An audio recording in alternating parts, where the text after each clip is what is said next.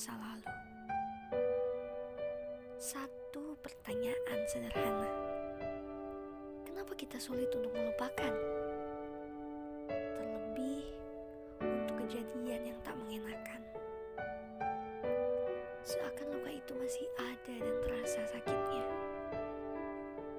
Jerat waktu membawa semua cerita.